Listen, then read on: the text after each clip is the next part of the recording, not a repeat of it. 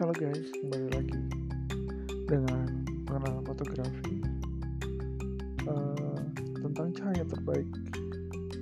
Di manakah Anda menemukan cahaya terbaik bagi subjek Anda? Fotografer berpengalaman mungkin telah belajar bahwa cahaya terbaik sering terjadi pada waktu-waktu di mana Anda lebih suka tidur di awal pagi atau duduk bersama kerabat dan teman untuk makan malam senja hari atau awal malam. Dengan kata lain, memotret dengan cahaya terbaik dapat mengganggu jadwal normal Anda.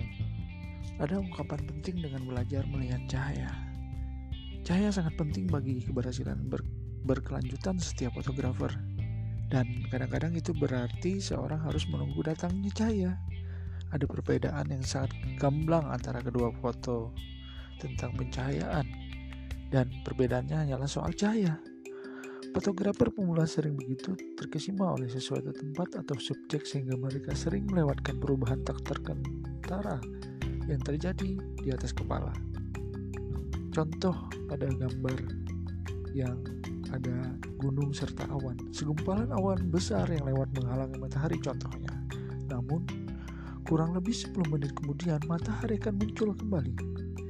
Memotret selama matahari tertutup awan menghasilkan komposisi yang menawan namun, dengan tidak ada cahaya, foto itu sama sekali tidak menarik. Menunggu datangnya cahaya hanya 10 menit atau dalam kasus tertentu ternyata akan menghasilkan gambar yang lebih memikat.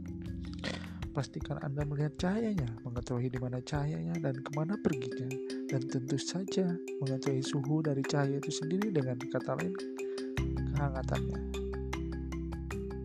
Mungkin kita bisa mengeksplorasi cahaya di lingkungan sekitar rumah kita.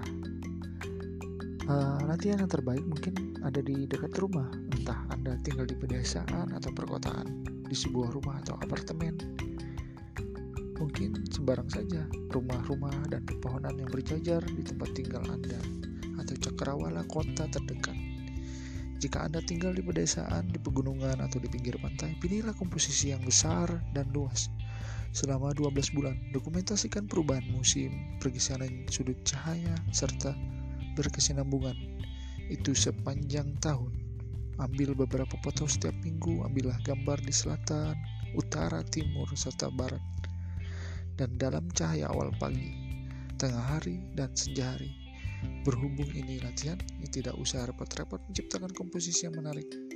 Di penghujung bulan ke-12 dan foto terpapar di hadapan Anda. Anda telah mengumpulkan pengetahuan dan wawasan tentang cahaya yang dimiliki segelintir fotografer profesional dan bahkan lebih sedikit dari fotografer amatir.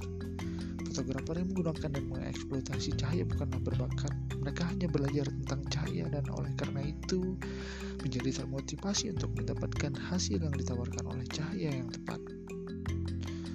Mungkin seperti itulah, karena Anda akan segera memahami alasan yang selalu mengatakan bahwa cahaya matahari siang bolong hanya diperuntukkan untuk bersantai di tepi kolam.